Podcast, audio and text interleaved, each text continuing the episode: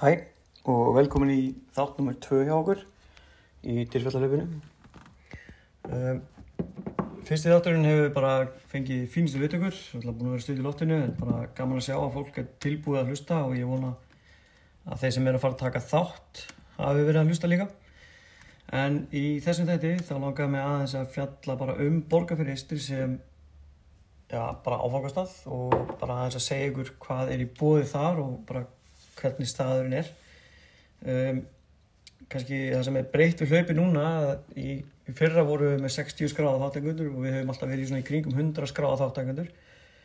En núna erum við komin í aðeins stærri tölu og við erum að detta bara vel yfir 400 þáttangundur núna og stefnum í að selja upp hlaupið sem að verður alveg í kringum 500 manns og þar að leiðandi 250 í hvori leið þannig að við blöndum kannski ekki alveg það mikið en þannig að það verður aðeins meira álæg í bænum en þið eru vönd fyrir þeir sem hafi verið að hlaupa áður. En það er bara gaman, það er bara býtið meiri stemmingu og við stefnum líka á að vera með aðeins meiri dagskrafi kringum hlaupið.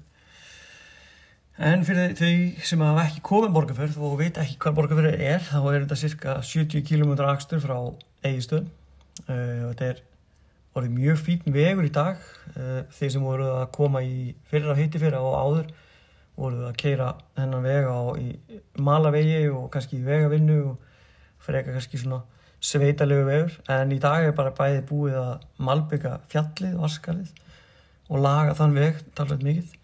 Og líka skriðuna sem að njarvíku skriðuna sem að þið keiri rétt áður en þið komið inn í borgarfjörð.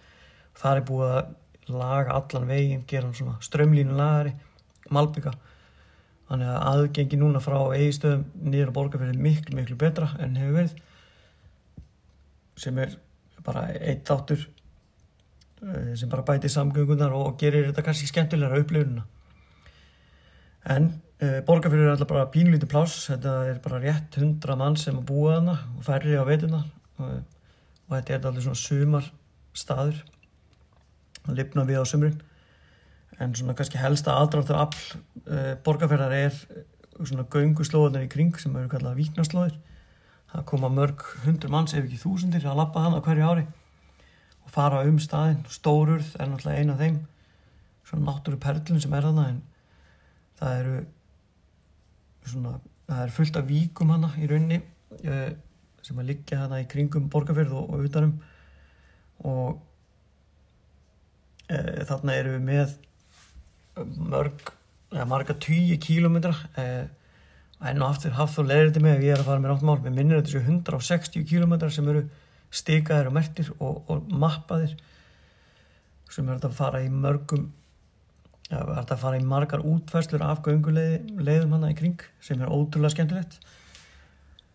Uh, og borgarfyrður er svona þessi miðstöð viknaslóða uh, þannig eru náttúrulega fullt af þjónustu í bóði sem er hægt að sækja sér á borgarfyrði um, það er svona kannski algengast að gista kannski á tjálsæðinu tjálsæðinu kannski svona staðisti gist, staðista gistiblásið á staðinum það eru tvö hótel hana stór, það er hérna, Álfheimar sem hann argum í viðar reykur og búin að reyki mörg ár og síðan eru það Blábjörg sem að þau auðvala á helgi hafa byggt upp síðustu árum og það er orðið alveg risastórt batteri með álveru spa og, og, og flottum veitingastað. Og þetta er veitingastæðar að hérna argrimi við er líka.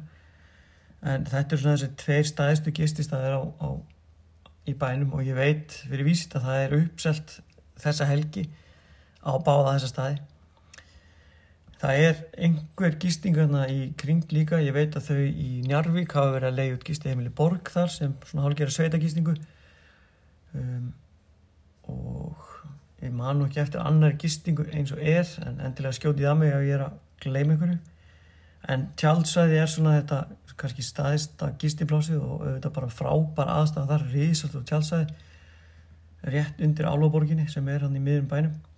Og þar eru frábær aðstæði styrtur og klósett og elduna aðstæða og, og hægt að borða líka á tjálsæðinu en á þessum tíma er líka bara alltaf svo gott viður og maður er bara út í allan sólringin hefur ekkert við að gera að þakka yfir höfuð þessum tíma en við sjáum bara hvernig veðri verður. Veðri hefur oft leikið mjög, það hefur ótt verið okkur mjög hliðholt á þessum tíma.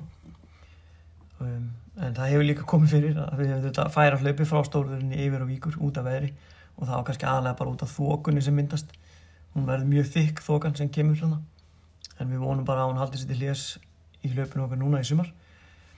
En það sem er í bóði á borgarferði það er náttúrulega náttúruhan er náttúrulega kannski númer 1, 2 og 3 og, og svona náttúruperluna sem er í kring.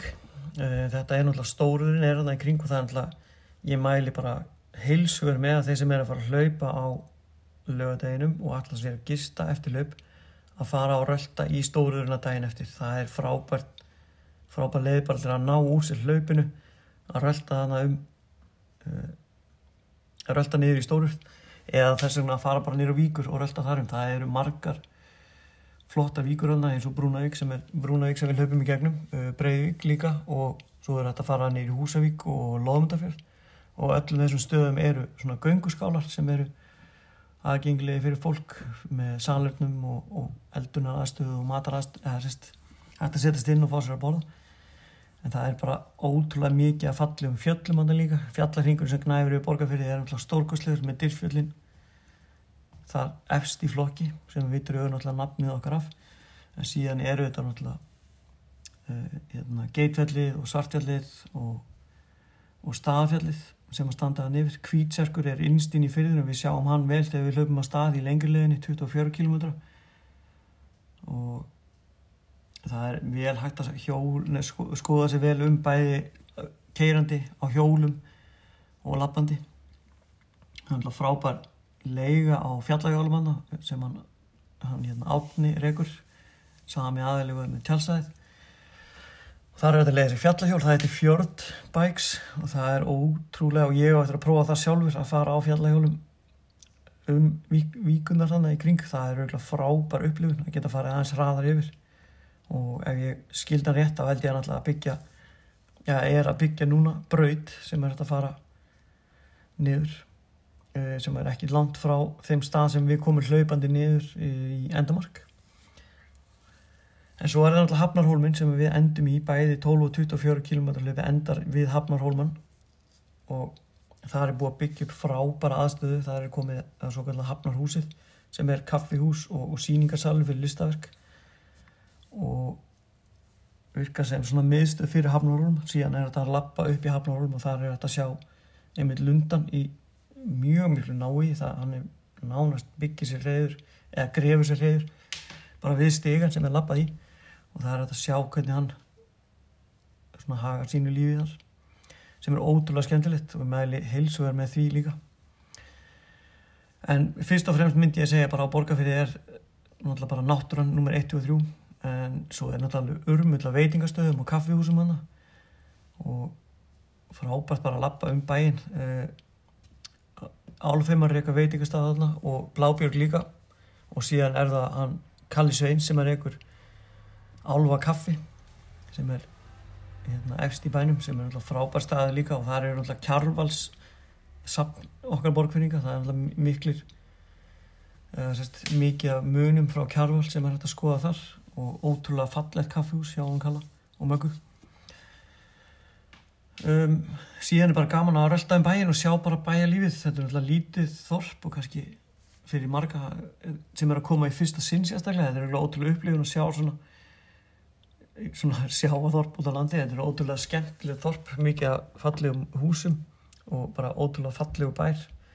Álvaborgin er náttúrulega eitthvað sem allir ætti að rölda upp á og sjá útsýnið yfir bæin Álvaborgin knæfir hana yfir þorpinu því komist ég ekki hjá því að sjá það.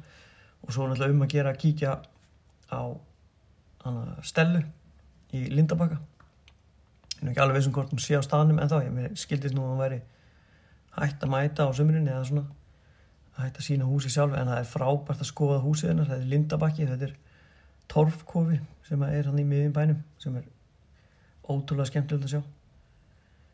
Um, já uh, og svo er alltaf um að gera bara skoða sér vel um hann og sérstaklega mæli heilsuga með því sem er að koma að hlaupa. Eða allavega einu með tveim dugum það er ekkit gaman að, að koma bara á brun aftur heim. Það er gaman að vera í stefningunni uh, það sem verður í bóði um kvöldið uh, sérst kvöldið uh, lögutaskvöldið, sama kvöld og við hlaupum við verðum með tónleika í Fjarlaborg og mæli náttúrulega heilsuga með því. Ég er náttúrulega að gleima þeim í veitingastaflórinni þeim hérna, vertum í Fjardaborg það eru það sjálfsæða hlutur á bænum hann að maður gleymi því, ég byrst afsökunum á því. En mæli með að kíkja í Fjardaborg við verðum auðvitað með hlaupagögnun okkar þar. Uh, við verðum aðfynda þau þar þegar líður að hlaupi.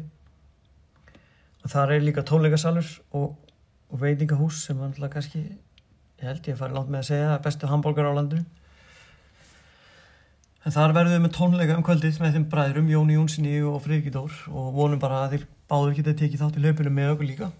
Um, og síðan eru við að vinna í förstaskvöldinu hvort við ætlum að bjóða upp á smá dagskráð þar í kringu fyrir þá sem við eru komin á staðin eða vilja koma á staðin fyrr. Og vonum að það gangi upp. En við látum ykkur vita með það senna hvað við gerum þar.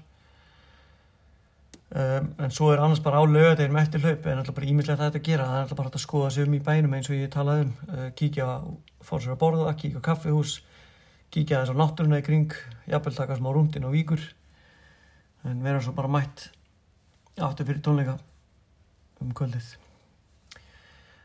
Já, annars bara þakka ég fyrir áverðina í dag og ég held áfram að dælinn þáttum og endilega sendið á mig línu bara á Instagram eða Facebook ef þið viljið heyra um eitthvað ákveðið, heyra um eitthvað sem að þið hafið ekki heyrt um áður í kringum hlaupið eitthvað sem að þið viljið vita en svona í næstu þáttum förum við aðeins að tala við styrtaræðalinn okkar sem eru að hjálpa okkur með hlaupið af því að auðvitað getum við ekki gert þetta án þeirra.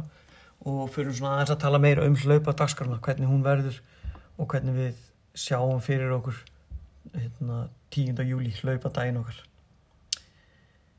Annars býðum ég bara að heilsa. Heyrum síðar